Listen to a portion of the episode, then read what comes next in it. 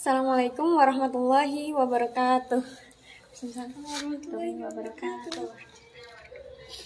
Alhamdulillah nih malam ini kita masih sehat nih Kak Dey. masih bisa buat ngisi ngisi podcast malam ini gitu di tengah-tengah kesibukan ujian. Gimana Kak kabarnya? Alhamdulillah baik. Kakak apa kabar juga? Alhamdulillah baik. Gini nih, jadi malam ini kita itu mau ngebahas mau ngebahas tentang ketakwaan. Hmm. Sempat disinggung sih sebenarnya sebelumnya tuh. Sekarang bulan apa? Mei. Hijriahnya dong. Syawal. Iya, sebelum bulan Syawal? Ramadan. Iya. Bulan Ramadan identik sama apa sih sebenarnya tuh? Puasa tarawih. Mm-mm.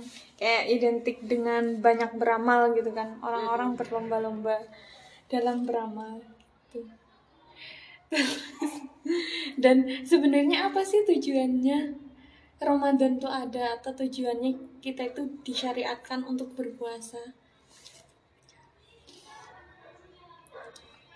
Tujuan kita disyariatkan. Ketiba alaikum siyamu kama ketiba alal ladina min qablikum la'allakum Tatakun. agar Bertakwa. Menurut Kade ini, apa sih yang seharusnya kita lakukan di setelah bulan Ramadan ini gitu? Ya kebiasaan yang baik waktu Ramadan gak boleh di iniin sih. Gak boleh ditinggalin. Iya bener banget, bener pakai banget gitu. Dan apalagi ada tuh ayat di Al-Quran yang bunyinya, maksudnya untuk menggambarkan ketakwaan tuh sebenarnya kayak apa sih? Kan kemarin sempat disinggung kan ketakwaan itu apa. Jadi di ayat Quran disebutin ya ayyuhalladzina amanu taqullaha haqqa tuqatih wa la tamutunna illa wa antum muslimun. Mau mengartikan? Enggak. Jadi di sini itu kita itu diseru ya ayyuhalladzina amanu taqullaha. Berarti kan di sini kita kayak udah udah berhasil untuk meraih ketakwaan itu kan. Dan pembuktiannya apa gitu kalau misalnya kita udah berhasil mencapai ketakwaan itu hak tukati dengan sebenar-benarnya takwa udah cukup sampai situ enggak wala tamutunna illa wa antum muslimun jadi janganlah kamu mati kecuali dalam keadaan bertakwa. Jadi di sini tuh sifat takwanya itu Dalam keadaan muslim. Wa antum muslimun. Wah. Iya, Pak Antum Muslimun. Jadi di sini tuh sifat dari ketakwaan itu nggak sementara gitu. Dan fakta di masyarakat kayak gimana sih? Orang-orang sekarang tuh kalau misalnya keluar dari Ramadan kebayang nggak? mereka tuh ngerasa Ramadan itu kayak penjara. Jadi kalau misalnya keluar dari Ramadan itu kayak ngerasa lega banget gitu. Soalnya di Ramadan itu mereka tuh kayak apa ya? Bahasa lainnya itu kayak di di ya penjara aja deh aku lupa bahasa lainnya itu. Dan mereka tuh kayak bahasa apa ya? Bukan bahasa lainnya juga. Mereka tuh kayak ketika Ramadan itu menghancurkan habits mereka yang sebelumnya gitu dan mereka memaksakan diri untuk membuat habits baru. Jadi ketika Ramadan selesai, mereka tuh akhirnya kayak ngerasa lega gitu loh. Rasa tekanan kayak gitu hilang dan akhirnya mereka aku bisa balik lagi ke diri aku ketika aku sebelum Ramadan gitu.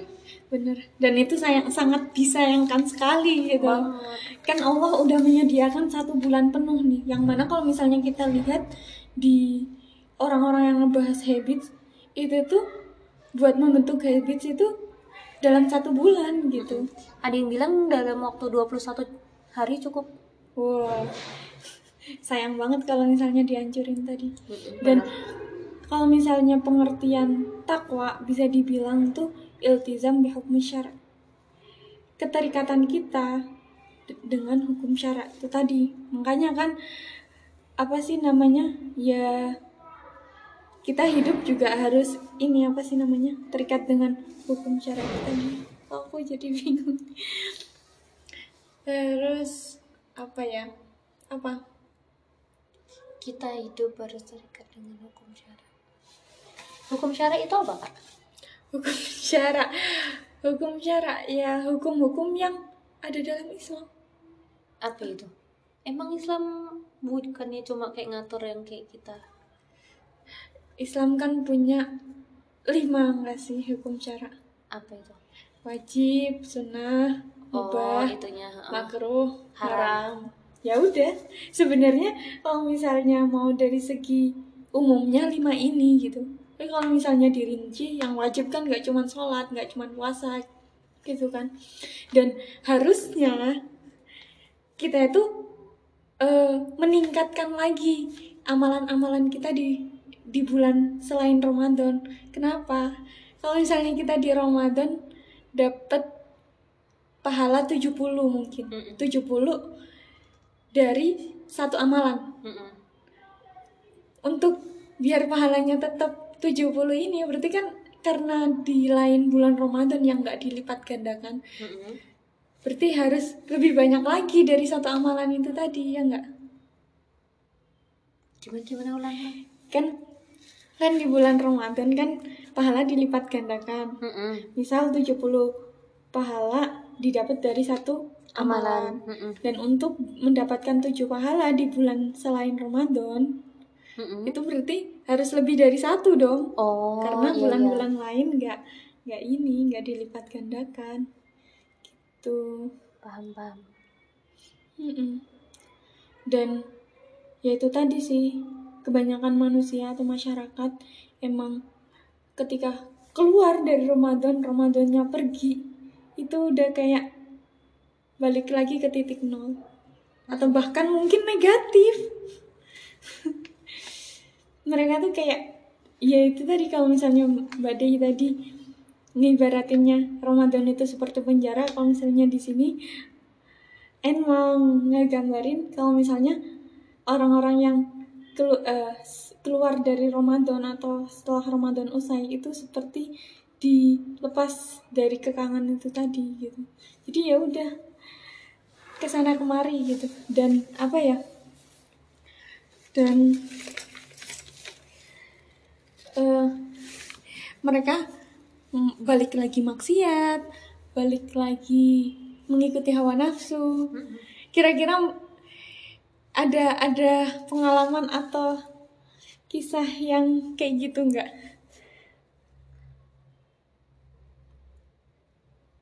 apa ya? Ada sih pasti tapi udah dulu Hmm, ini nih maksudnya sebelumnya kan eh N kan belum pernah ini ya belum belum pernah benar-benar berkomitmen untuk berhenti dari kemaksiatan. Jadi N ngerasa mungkin itu bukan kemaksiatan sih hal mubah cuman kalau misalnya N bilang lebih sering ini. Jadi kayak lalai gitu ya buat lalai gitu hal mubah itu tadi Heeh, benar-benar.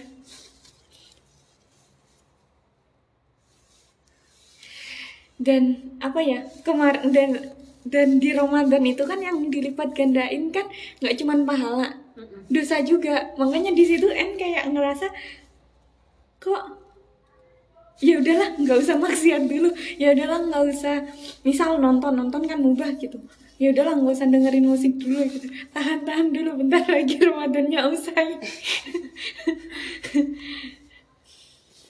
Kayak gitu awalnya kemarin tuh Ramadan. Kalau buat ini ya kalau misalnya pengalaman aku dulu tuh ya udah daripada ngelakuin yang salah mending nggak ngelakuin apa apa gitu loh.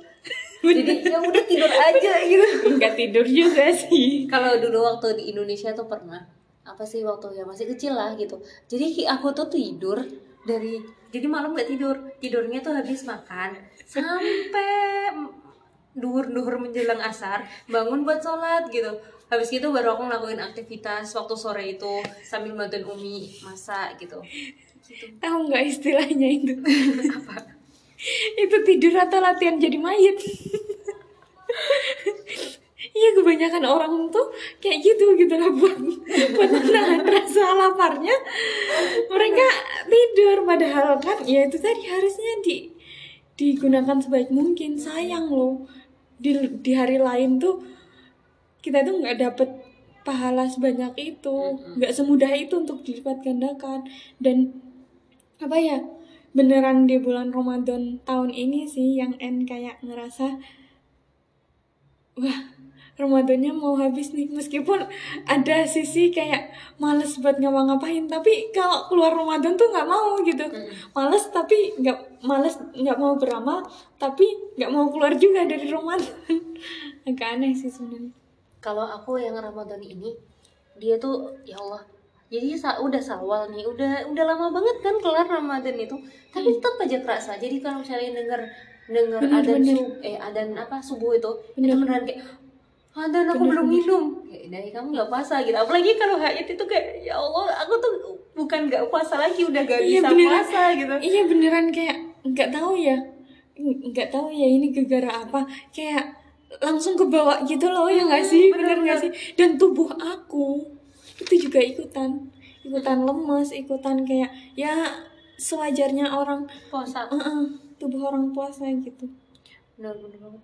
Oh cinta tapi aku dari sana tuh jadi kayak ngerasa katanya ya ketika im, apa ya amal kita terima gitu ketika Ramadan kan dia bakalan terbawa terus gitu loh sampai selesai iya Ramadan benar-benar makanya aku tuh kadang ngerasa ya Allah ini maksudnya kayak Allah tuh buat aku nggak ini buat tuh aku nggak kode nggak sih? Ya, buat aku nggak apa sih namanya nggak buat aku nggak putus asa dengan perginya Ramadan ini dan aku yang masih masih seberantakan ini gitu. Tapi Allah kayak kamu tuh coba positif positif thinking gitu. Amal yang kamu lakukan walaupun sedikit di Ramadan itu Allah terima gitu. Dan walaupun nggak udah lewat gitu ya jangan nyerah. Lakuin aja yang maksudnya Iya.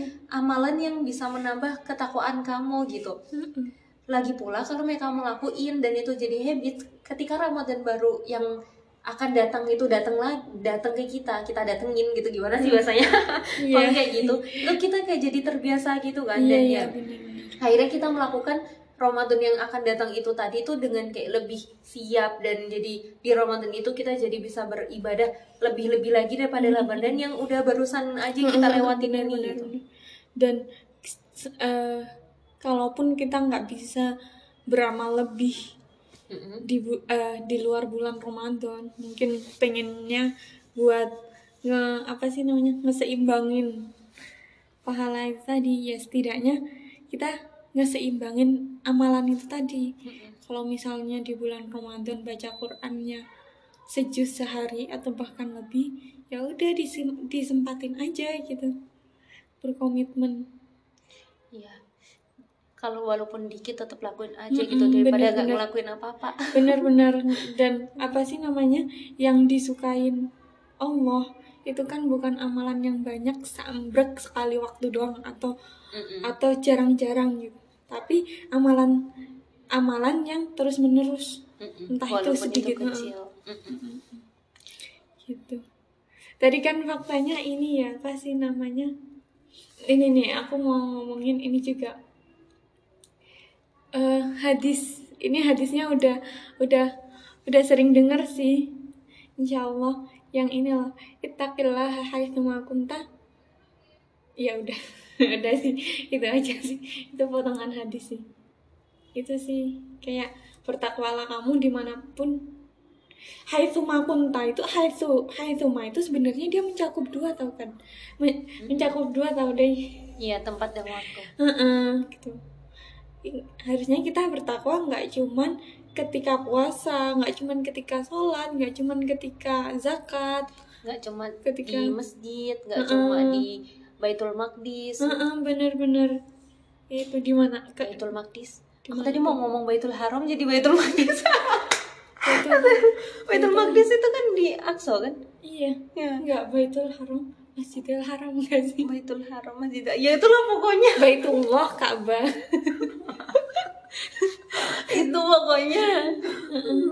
dan dan yang dari ayat tadi wala tamutunna illa wa antum muslimun Mm-mm. itu tuh itu tadi sih kayak menunjukkan takwa itu bukan hal yang sementara usahain kamu setelah eh kak usahain kamu itu meninggal dalam keadaan bertakwa agar ketika kamu menemui rohmu itu juga masih dalam keadaan bertakwa gitu. Dan ya dari wala tamu tuna ilawa antum muslimun itu juga kayak kita itu disuruh untuk mempertahankan ketakwaan kita menjaga ketakwaan kita gitu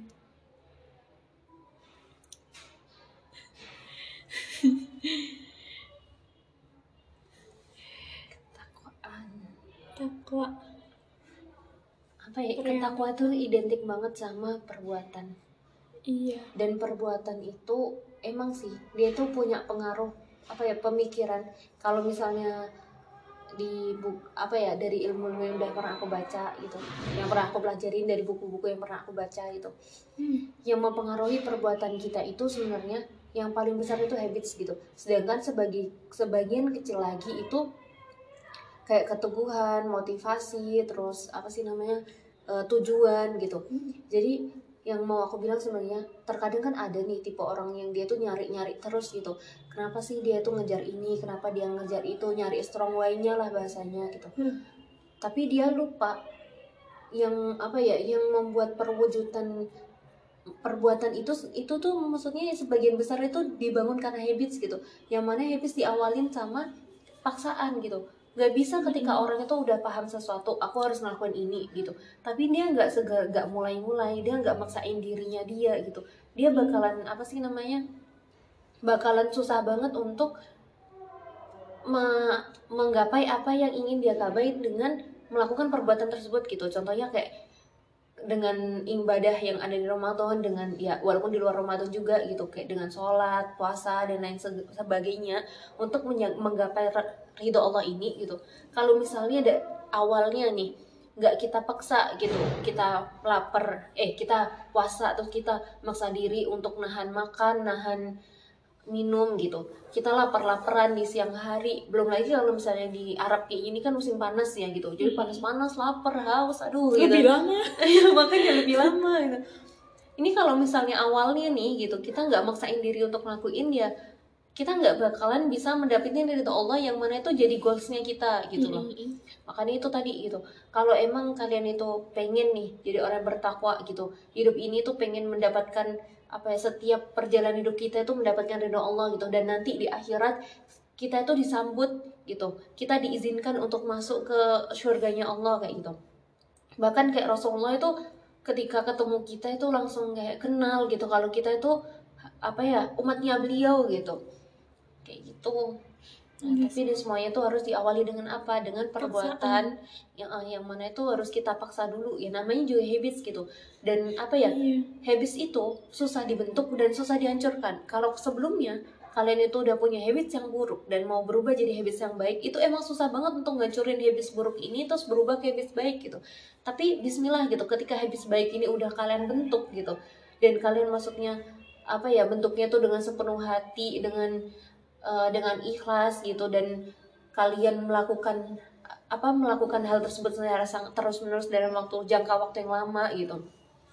Belum lagi kalian juga sampai nyari temen nih buat temenin kalian apa sih saling nguatin di jalan ini gitu. Kalian nyari guru untuk kayak eh, apa sih namanya me- me- apa mengamati mengamati mengawasi gitu mengawasi kalian. membimbing. Membimbing kalian mengawasi kalian gitu di perjalanan ini gitu Insya Allah habits ini juga semakin susah untuk dirusak gitu. Maksudnya ya nanti nih setelah habits itu udah terbentuk ya kalian bakalan apa ya otomatis aja gitu ngelakuin kebaikan ini. Jadi Hmm. Bismillah lah gitu. Iya kadang kadang orang tuh lupa minta doa ya Allah kuatkanlah aku kayak atau berilah aku keistiqomahan lupa apa sih sebenarnya istiqomah itu istiqomah kan ya ya ya mirip tadi sih maksudnya sesuatu yang emang harus diperjuangkan selain kita doakan gitu istiqomah sendiri kan kayak ke- eh, konsisten kan Benar. Doa itu emang penting banget sih. Soalnya kalau soalnya kalau kalian pernah belajar tentang tiga antena manusia, pernah dengar nggak? tiga antena Heeh. Tiga antena manusia. Jadi manusia tuh punya tiga hal. Pertama itu tubuhnya, kekuatan maksudnya. Terus kedua itu akalnya, kecerdasan. Yang ketiga itu hatinya. Yang maksud hati di sini tuh kayak eh, gorizah lebih ke gorizah. Jadi kayak dia tuh ada per- perasaan tadayun ada kayak perasaan kayak gitulah gitu jadi kayak ada perasaan yang cenderung kepada seseorang kasih sayang gitu nah kalau misalnya kita itu ingin mendapatkan sesuatu kita tuh jangan sampai cuma mengembangkan satu antena dari tiga antena tadi gitu Why? Soalnya kalau misalnya aku lanjutin dulu ya daripada jawab why-nya aku lanjutin dulu. Jadi ketiga antena itu itu tuh misal contohnya kalau misalnya kerja ikhlas itu dia kayak yang jadi kalau ntar aku ulang tadi ya. Tadi kan pertama ada yang namanya Tubuh. Tubuh. Jadi kalau tubuh, kalau kita bekerja dengan tubuh itu namanya kerja keras. Kalau kita bekerja dengan akal atau kecerdasan namanya kerja cerdas. Terus kalau ketiga, kalau kita bekerja dengan hati itu namanya kerja, Kerja ikhlas. Heeh. Jadi kalau mau kerja ikhlas itu bayangin aja kayak kalau mau ada tabung, ku, bukan tabung salah, kubus. Jadi misalnya kayak ke atas, aku lupa sih tempatnya kayak gimana. Tapi ya kurang lebih kayak gitu. Jadi kalau tab, misalnya kerja ikhlas itu kayak lurusnya. Kalau misalnya kerja apa sih namanya? Jadi tingginya kalau kerja keras itu misalnya kayak panjangnya, kalau misalnya kerja cerdas itu kayak lebarnya gitu contohnya. Itu tuh kalau misalnya kita kerja nih, cuma kerja kerja keras doang. Jadi rezeki kita itu cuma ya kayak garis lurus doang gitu. Hmm. Sedangkan kalau misalnya kita kerja keras dan kerja cerdas, rezeki kita itu kayak kotak. Bukan kotak sih, lebih kayak persegi empat. Hmm. Sedangkan kalau kita kita iringin sama kerja ikhlas, nanti bakalan jadi Sempurna udah. Heeh, bakalan kubusnya. jadi jadi kubus gitu. Dan kalau misalnya mereka itu berkembang bareng, itu bakalan cepet cepet berkembang kan. Coba kita lihat kayak kotak aja deh. Apa namanya luasnya kotak itu, kalau misalnya dibanding sama luasnya kubus itu kan jauh kan? Ya kan? Soalnya ya emang kalau namanya kubus itu kan dia dia punya volume gitu, makanya dia bakalan kayak Sisinya lebih banyak. Heeh, dia bakalan memuat lebih memuat banyak hal gitu. Sedangkan kalau kotak ya dia kayak gepeng ya udah gitu doang gitu loh gitu. Jadi kalau misalnya kubus kalau emang dia jadi itu ntar jadi punya berapa sisi coba? Satu, dua, tiga, empat, lima, enam, tujuh, delapan kan? Sat, eh delapan, 6. enam, enam salah enam, ya enam. Sedangkan kalau kubus cuma satu doang Hmm. ya kan makanya itu itu tadi harus diseimbangin jangan sampai ditinggal salah satu. Nah ini tuh sebenarnya konsep dari ini dari temennya kodar apa kodok. Kodok. itu Hanya kodok. dia tuh konsep dari kodok. Kan kodok itu terbagi jadi dua kan kodok itu kebagi jadi dua. Jadi ada namanya kodok yang dia itu menguasai kita tapi kita tuh nggak ada andil apa pun sama sekali. Sama ada kodok yang dia tuh menguasai kita tapi ketika kita ingin mendapatkan hal ini kita tuh harus membawa diri kita kepada ahwal yang bisa bisa menghantarkan menghantarkan kepada kodok ini. Contohnya kayak rezeki. Jadi kalau kodok itu kan jadi kehidupan manusia kan kebagi dua awalnya. Sesuatu yang menguasai kita dan sesuatu yang kita kuasai. Sesuatu yang kita kuasai itu bahasa Inggrisnya apa ya? Aku lupa. Ya pokoknya itulah pokoknya kita di situ tuh punya Andil uh, buat punya merubah. adil uh, kita punya pilihan gitu sedangkan kalau sesuatu yang menguasai kita kita tuh nggak punya andil pada ininya pada Ya. hasilnya Heeh, gitu Dan kita nggak bakal ditanyain kan. Mm-mm. Nah, kalau misalnya di kodok ini tadi, itu kan tadi aku bilang kebagi dua kan. Iya. Satunya itu kita tuh perlu kayak kita membawa diri kita pada suatu keadaan biar kodok itu datang kepada kita dan ada yang kita tuh nggak ngapa-ngapain tapi dia udah datang gitu. Hmm. Nah, jadi yang kita nggak ngapa-ngapain terus terus habis gitu dia datang itu ya kayak kematian. Jadi kita, kapan, di mana, bagaimana gitu. Eh bukan bagaimana, kalau bagaimana itu termasuk yang satunya. Terus kalau misalnya yang yang satunya lagi itu yang jadi kita harus kayak membawa kita ke suatu keadaan Hmm. kita membawa diri kita ke suatu keadaan itu, memposisikan. Heeh. atau bahasa Arabnya itu ahwal itu salah satunya kayak kalian itu mau dalam kondisi apa ketika meninggal gitu itu kan kita bisa kan kalau dengan cara misalnya kita melakukan ibadah terus menerus tanpa berhenti gitu jadi ketika kita meninggal ya kita berada pada ibadah itu gitu kan ya kan kita Hmm, bisa iya iya benar bisa benar. kayak gitu gitu Iya. sama Akhir juga kita kayak- ditentukan dengan kebiasaan kita gitu Mm-mm. kan. Terus jadi yang itu tadi penting banget untuk memiliki habits yang baik. Saya bisa jadi kalau kita punya habits yang buruk oh kita bisa jadi meninggal waktu kita ngelakuin itu gitu. Terus sama satu lagi itu eh sama satu lagi itu contohnya kayak yang mau aku bilang tadi rezeki gitu. Jadi kalau rezeki itu kita tuh harus berusaha untuk meletakkan diri kita pada suatu keada- keadaan di mana kita tuh biar bisa mendapatkan rezeki yang sudah Allah tulis untuk kita gitu. Jadi contohnya kalian pernah dengar konsep ini kan? Pernah dengar konsep apa sih namanya? Memberi untuk mendapatkan lebih banyak. Jadi Oh, kalau iya, misalnya iya, iya. kan kalau kita punya uang dikit nih seribu doang terus kita pegang erat banget ketika Allah mau ngasih kita nggak bisa. Soalnya tangan kita tuh lagi tertutup gitu. Nggak bisa dimasukin uang lagi. Makanya kita tuh diajarin sama Allah sedekah apa? Kita buka tangan kita kita kasihin apa yang ada di tangan kita karena tangan kita terbuka dan kosong makanya Allah itu bakalan naruh rezeki yang lebih gitu di tangan kita gitu rezeki yang baru di tangan kita gitu. Kayak gitu. Terus habis gitu ya heeh, kayak gitu sih Cuman kurang lebih. tahu kalau misalnya aku mikir eh jangan sampai kita memberi tapi eh, dengan mengharap kita mendapatkan lebih banyak Mm-mm. karena itu salah konsep gitu. Iya, cuma kalau maksudnya ini kan bahas Iya. tentang, Tentang- awal rezeki kan. Ya kan. Soalnya kayak ada orang yang dimotivasi buat sedekah tuh motivasinya kayak gitu. Mm-mm. Jadi orang kayak nungguin ini mana ya duitnya, ini mana ya duitnya. Iya. Padahal rezeki itu juga kan nggak nggak berupa duit kan, Iya. bisa berupa kesehatan dan lain sebagainya. Kayak yang ini, kalau yang kayak gitu ya aku mau jadi ada coach namanya coach Tom. Jadi dia beliau itu orang ini bukan orang Islam. Jadi emang waktu itu aku tahu konsep ini dari beliau gitu. Padahal ini konsep konsep yang berasal dari Islam gitu. Jadi beliau malah aku tuh belajar dari orang selain Islam konsep ini gitu. Tapi beliau tuh jadinya jelasinnya bukan lebih ke kayak yang kayak sama bilang tadi, tapi lebih kayak yang sebelumnya sama bilang lagi gimana sih?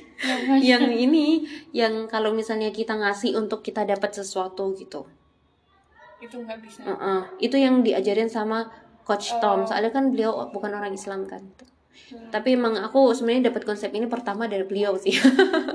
Kayak jadi jadi beliau eh, beliaunya juga kayak nganggap kalau misalnya memberi itu bakal dikasih gitu. Mm-mm. Entah dari mana, Iya. Soalnya entah dalam bentuk apa. Heeh. Sebenarnya itu apa ya orang-orang selain Islam nih, khususnya orang-orang yang apa komunis yang nggak percaya sama agama bahkan mereka itu walaupun mereka nggak percaya sama agama, tapi mereka mer- mengharapkan ada sesuatu di balik ini semua yang bisa menghancurkan kepercayaan mereka. Yang kayak mereka percaya kalau misalnya kalau dia ngelakuin ini dia akan seperti ini gitu. Misalnya ketika aku malas-malasan aku akan gagal. Tapi mereka itu kayak menginginkan gitu, pengen. menginginkan, heeh, menginginkan ada sesuatu yang bisa merusak merusak hal Konsep itu, itu. gitu. heeh. Jadi dia pengen dia malas-malasan tapi akhirnya dia bisa berhasil gitu. Paham gak sih?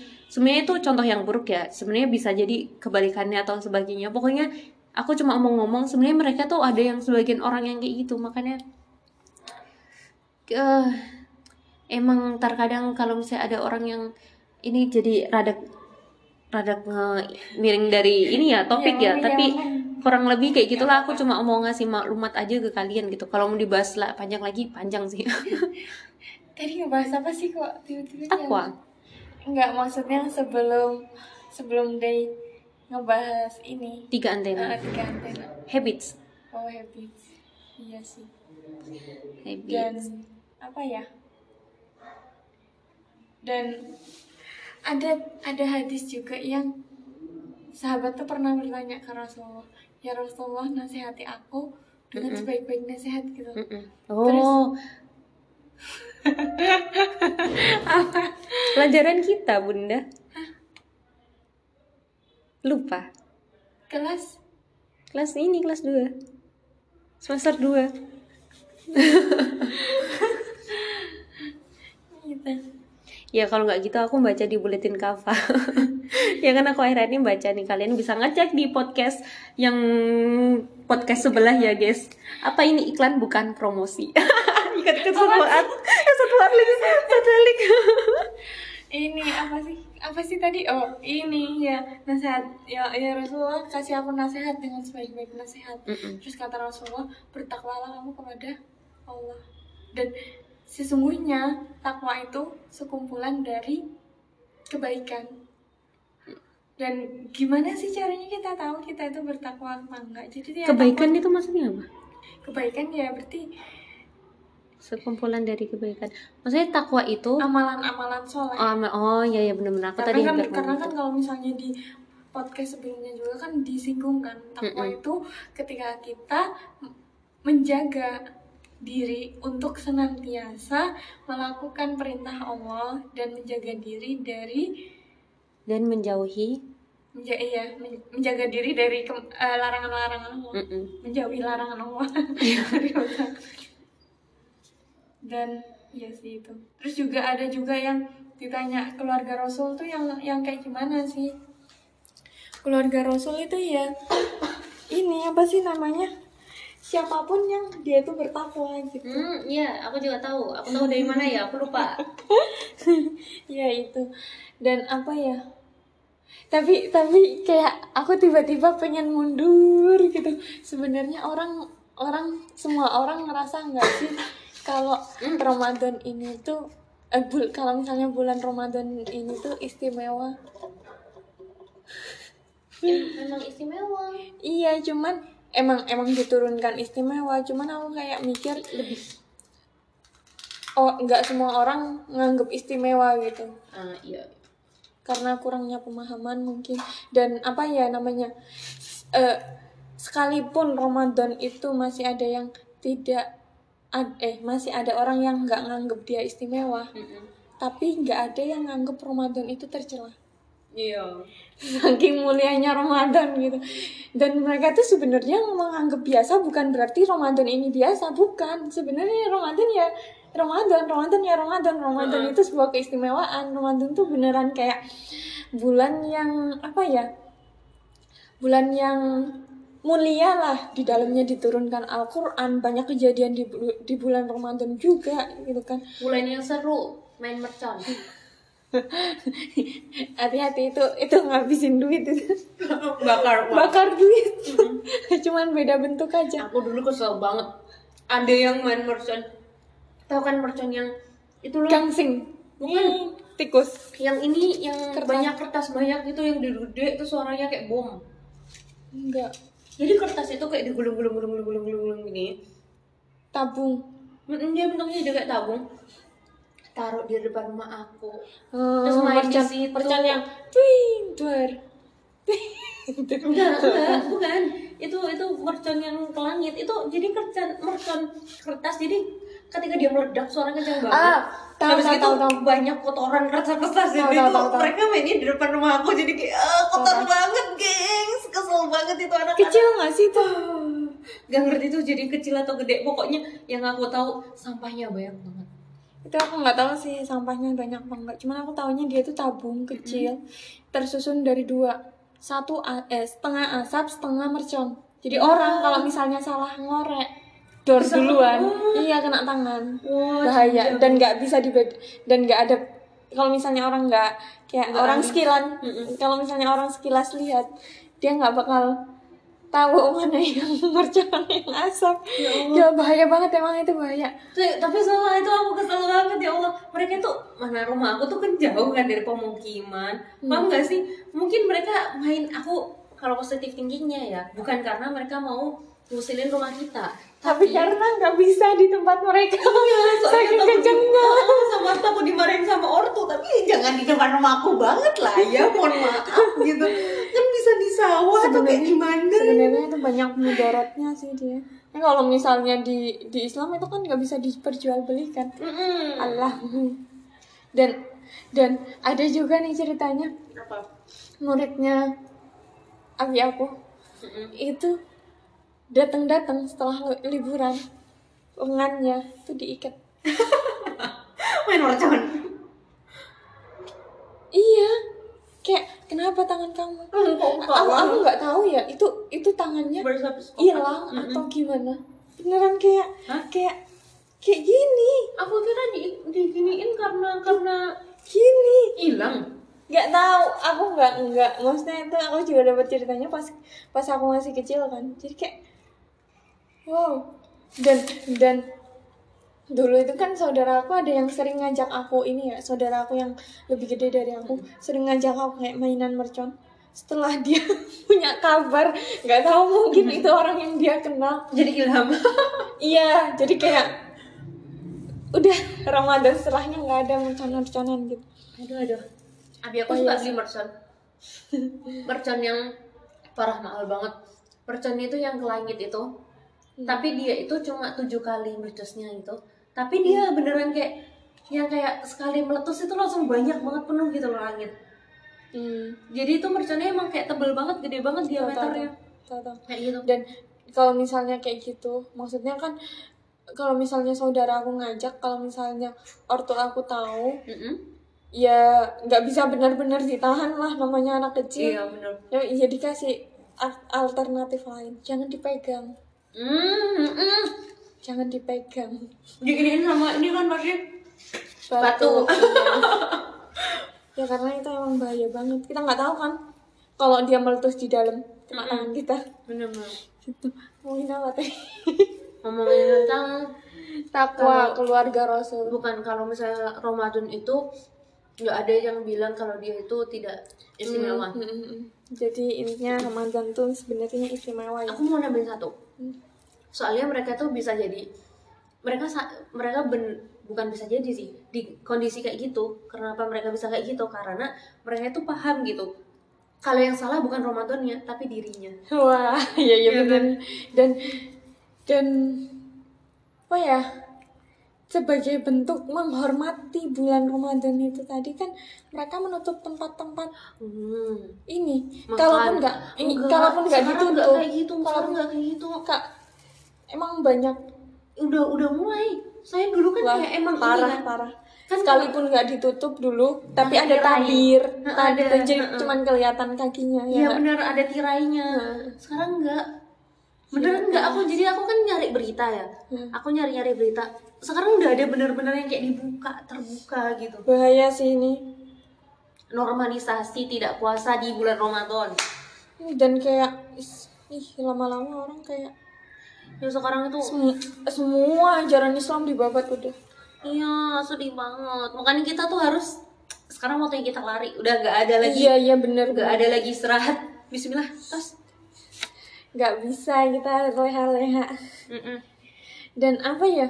Kan tadi kan faktanya di bulan Ramadan eh, orang tuh kayak ber- banyak beramal. Terus habis itu setelah Ramadan orang lepas gitu. Mm. ngikutin hawa nafsunya balik lagi maksiat ini Nyesek aku aku mm, aku ada ini beberapa tips atau bukan tips tuh ya beberapa cara biar kita nggak kayak gitu gimana sih Apa caranya kepo nggak kepo nggak Aduh tidak tidak. jangan gitu dong Canda. Nggak, maksudnya maksudnya kita kan juga butuh gitu loh Iya, canda. ya berbagi Bunda. manfaat Iya, Bunda. Mohon ya maaf, udah Bunda. kalau misalnya deh nggak kepo aku ngasih tahu pendengar pendengar aja deh Pendengar yang setia, jangan ikut bully aku. Jadi pertama kita harus memahami atau tahu apa sih yang harus kita lakukan gitu. Hmm. Karena Karena ya mafahim itu mempenga- mempengaruhi perilaku kita. iya, tapi lebih ke ini sih. Kan kan kita kan pengennya setelah Ramadan tuh semangatnya tetap ada gitu kan. Terus juga kayak eh ketaatannya, amalan-amalannya tuh tetap tetap mengalir gitu loh. gitu. Dan apa sih namanya? Dan kita itu juga harus mempertahankan hakikat takwa itu tadi. Iya, tapi Iya, tadi belum tadi di- dibahas, dibahas. Jadi kenapa kita harus menemukan? Menemukan apa? tadi kan kamu ngomong yang pertama kita tuh harus Memahami, Memahami. apa yang harus kita lakukan. Mm-mm, itu tadi sama belum jelasin kenapa Iya. kita harus memahami. Nanti setelahnya ada. Oh, oh gitu. Jadi aku tidak sabar nih ceritanya. Isbir ala rizkik. Tadi kecap banget aku tuh ketawa. Malunya, malu. Tahu nggak aku dapat dari mana itu? Apa? Dari guru maat. kita kayak maksudnya ini enggak isbir ala rizki terus aku di situ tapi kayak kayak jadi tanya pas ujian enggak enggak maksudnya tanyain pas soal pas ini pas pas belajar gitu. Hmm. terus aku jadi kayak oh iya ya ilmu itu rizki tiba-tiba tersadar. Emangnya guru mahat itu ngoceh dikit aja kayak kita Udah langsung kayak- ketampar gitu. Makanya udah kayak harus mikirin yang lain Eh, pasti ada makna lain gitu. Iya benar-benar. Lanjut.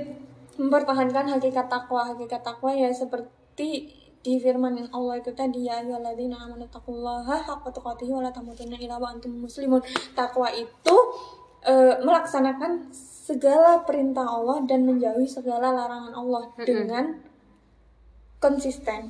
Dan Oh. ya itu tadi ya eh, dengan benar-benar takwa dengan sebuah pembuktian dengan dengan konsisten. Karena ya itu tadi walau tamu illa wa antum muslimun. Dia sifatnya sampai akhir gitu terus kemudian kemudian yang kedua itu ini kan kalau misalnya kita mau taat sendiri agak susah nggak sih nggak agak banget sumpah parah banget Oh iya, tadi poin kedua ya. Maksudnya kita kan kalau misalnya bertakwa itu kan nggak bisa sendirian gitu kan. Jangan dong. kita bertakwa kan nggak bisa nggak bisa sendirian dan eh, susah juga kan kalau misalnya kita bertakwa sendirian sendirian dengan kondisi yang nggak nggak nggak mendukung. Maka poin kedua ini apa? Mengkondisikan suasana atau nuansa ketakwaan atau keimanan biar yang bertakwa atau yang beramal soleh itu nggak cuman kita tapi juga orang sekitar kita kalau misalnya kita di Indo hidup dengan keluarga berarti kita ya gimana caranya mengkondisikan kalau enggak ya memulai gitu. Apa sih kebiasaan Ramadan? Tilawah ya enggak yang sering ditanyain udah juz berapa? Udah berapa kali hatam? Itu, sehar- itu seharusnya terus sampai setelah Ramadan. Berkomitmen. Eh, misal kalau misal emang kalau misal di Ramadan tilawahnya itu sejus lebih. Karena di, di bulan Ramadan kan di ada waktu libur ya. Maksudnya nggak nggak kerja atau nggak sekolah gitu. Jadi mungkin orang bisa banyak banyak beramal di situ. Tapi kalau misalnya di di bulan-bulan lain nggak bisa ya udah.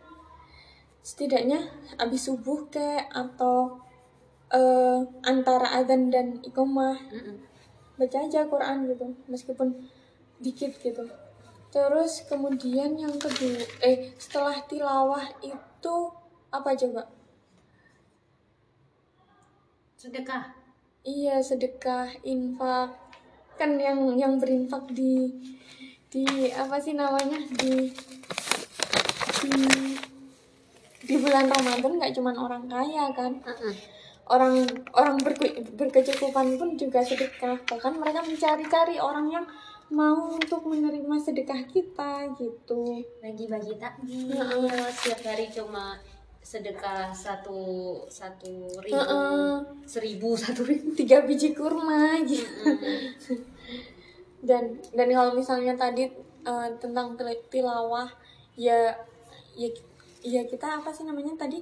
Tilawah setidaknya antara setiap setiap setiap sholat fardu antara adzan sama iqamah ya biar kita benar-benar menjadi keluarga Quran. Biar nggak cuman teori dan harapan gitu. Kan Keluarga orang kan kayak Quran. Heeh, maksudnya ya keluarga yang beneran apa sih namanya eh kalau nggak bukan keluarga kayak temannya Al-Quran gitu lah. Yang selalu baca selalu ya membaca membaca ininya apa sih namanya membaca membaca ayat Al-Qurannya juga menja- eh, membaca ayat eh terjemahannya gitu. Tilawah terus bersedekah terus apa lagi? Puasa jangan lupa. Ini amalan uta amalan utama atau amalan yang menjadikan Ramadan itu berbeda dengan bulan lain gitu kan. Ya setelah Ramadan kita bisa kan mengazamkan untuk oh iya tadi yang infak ya. Infak belum selesai. Ya iya kenapa belum selesai? Maksudnya maksudnya tambahannya. Apa? Apa tuh? Kan ini tadi kan berinfak di bulan Ramadan. Setelah Ramadan kan belum dibahas tadi. Ya setelah Ramadan kita bisa kan menyisihkan uang 500 deal deh buat sedekah mungkin di, terus kalau di Mesir? Mungkin diazamkan untuk bersedekah setiap hari Jumat. Mm-mm. gitu. Udah nus. Setiap hari Jumat doang. Ya Allah sedih banget. ya nggak apa-apa yang penting dibandingin sama istiqomah. jajannya. Apalah yang setiap jajan bisa habis 50 ini. Apalah aku. Terus infak terus puasa ya tadi puasa nggak cuma di bulan Ramadan puasa di bulan-bulan lain juga disediakan puasa sunnah gitu kan. Ada puasa Daud ada puasa Senin Kamis ada puasa apa? Sebelum hari tasyrik itu. Puasa Ayamul Bid sebelum hari Tasyrik puasa Arafah. Mm-mm. eh bukan. Iya. iya iya iya puasa Arafah. Terus juga sekarang nih bulan Syawal puasa Syawal. Ayo silahkan yang belum berpuasa Syawal 10 hari kan ya? enam. Hah, 6? Bukan 10? enam. Hmm. Oh, 6 pahalanya kan juga gede kan? Mm. tuh. Tapi jangan lupa sebelum puas- puasa sawal Jangan lupa puasa kodoknya teman-teman. Apalagi untuk kita yang perempuan-perempuan itu pasti lubang deh. Bisa jadi ada yang enggak. Iya, kebanyakan. Iya. Taman hukumi banyak untuk sedikit terus juga kalau di bulan Ramadan ini kan identik dengan kalau malam Tarawih tarawih dan Aduh, duh nyesek banget sih tarawih.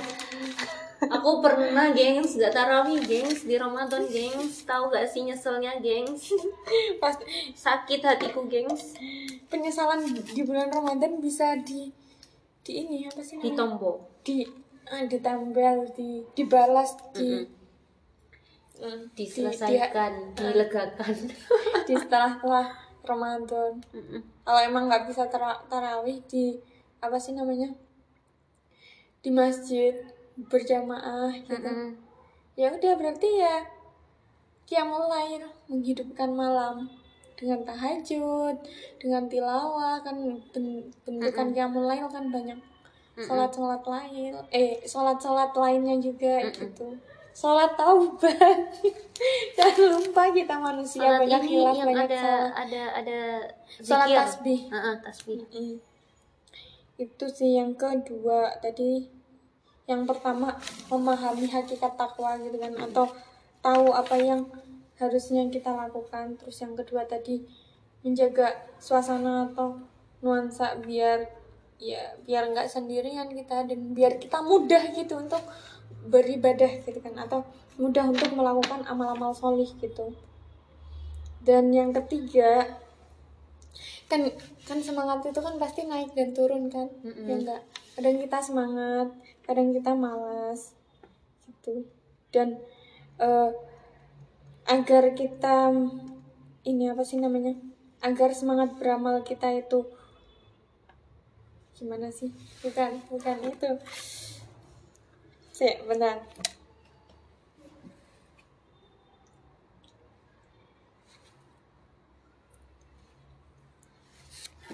Ya udah. Ini apa sih namanya? Hmm.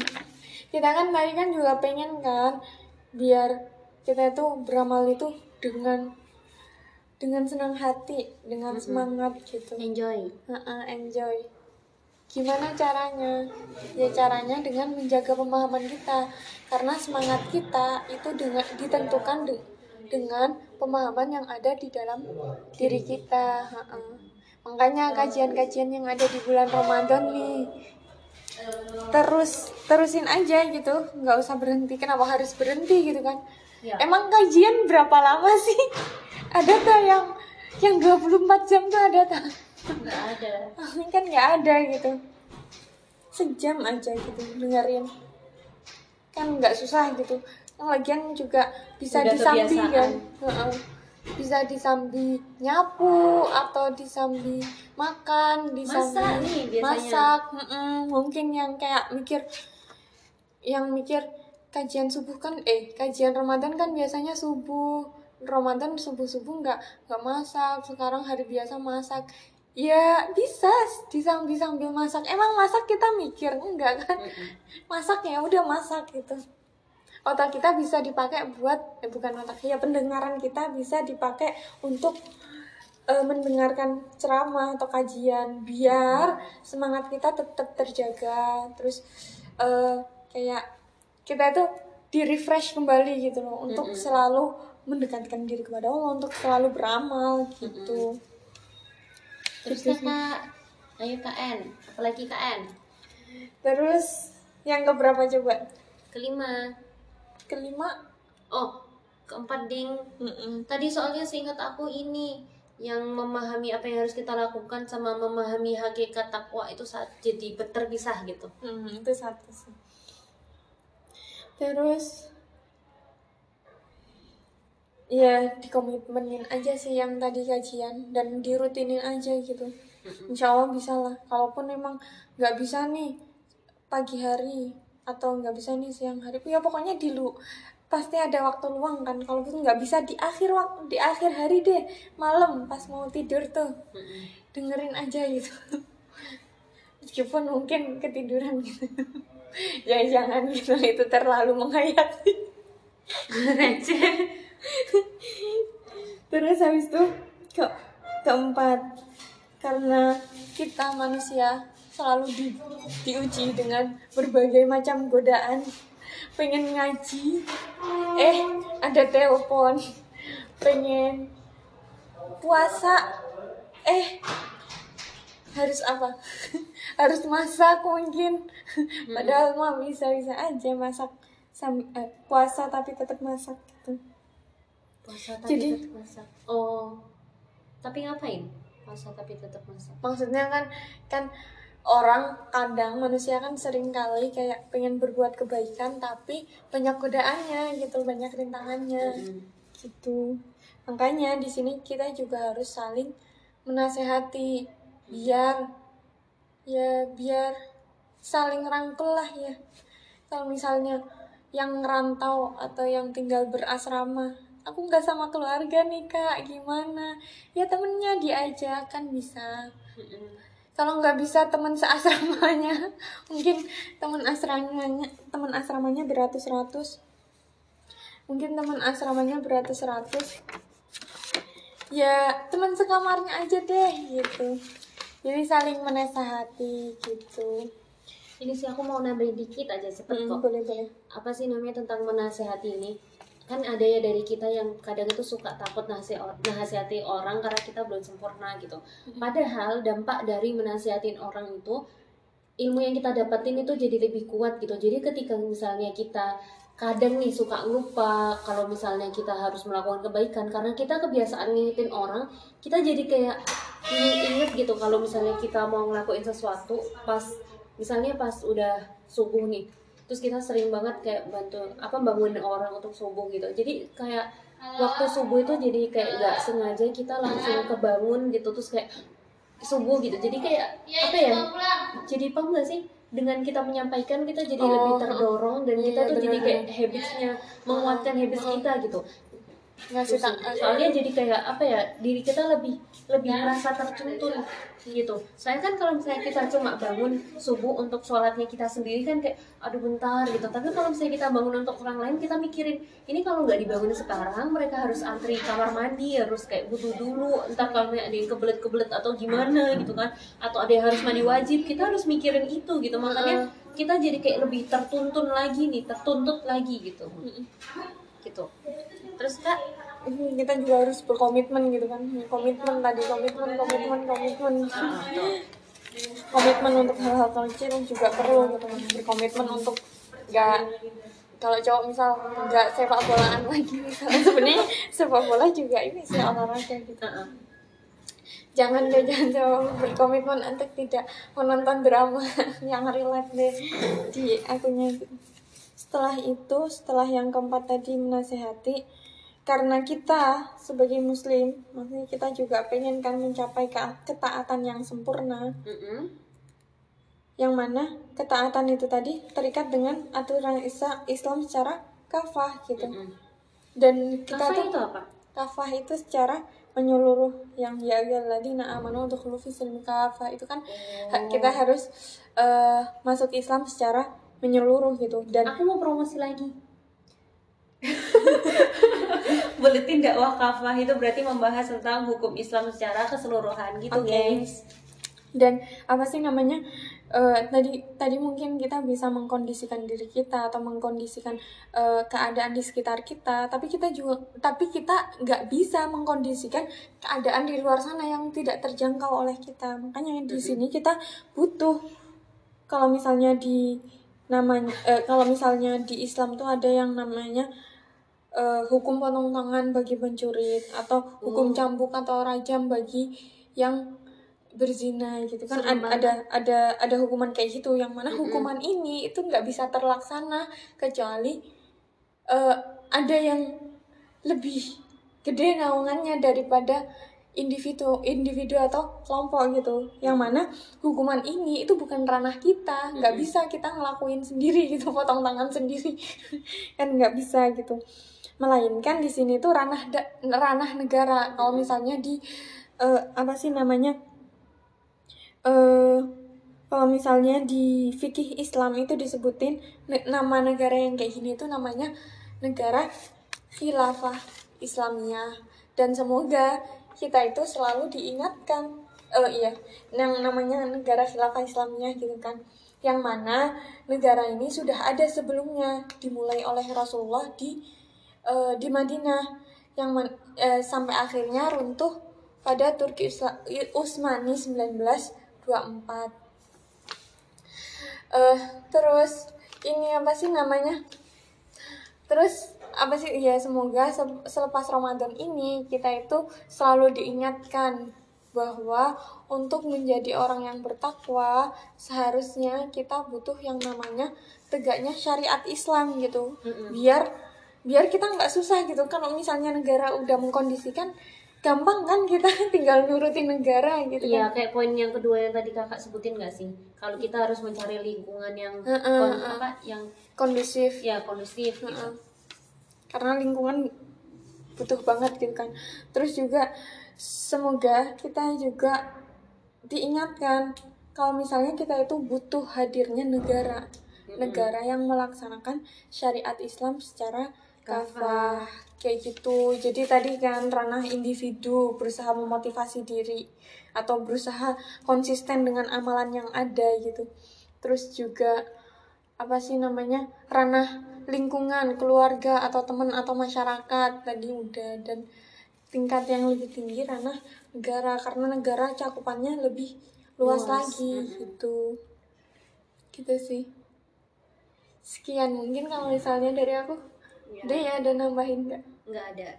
oke Tunggu kita lagi ya, jangan sampai kabur kalian. Tetap nanti kita di segmen selanjutnya. Semua salam, wassalamualaikum warahmatullahi wabarakatuh. Dadah. dadah silahkan dilanjut kalau misalnya udah ada part selanjutnya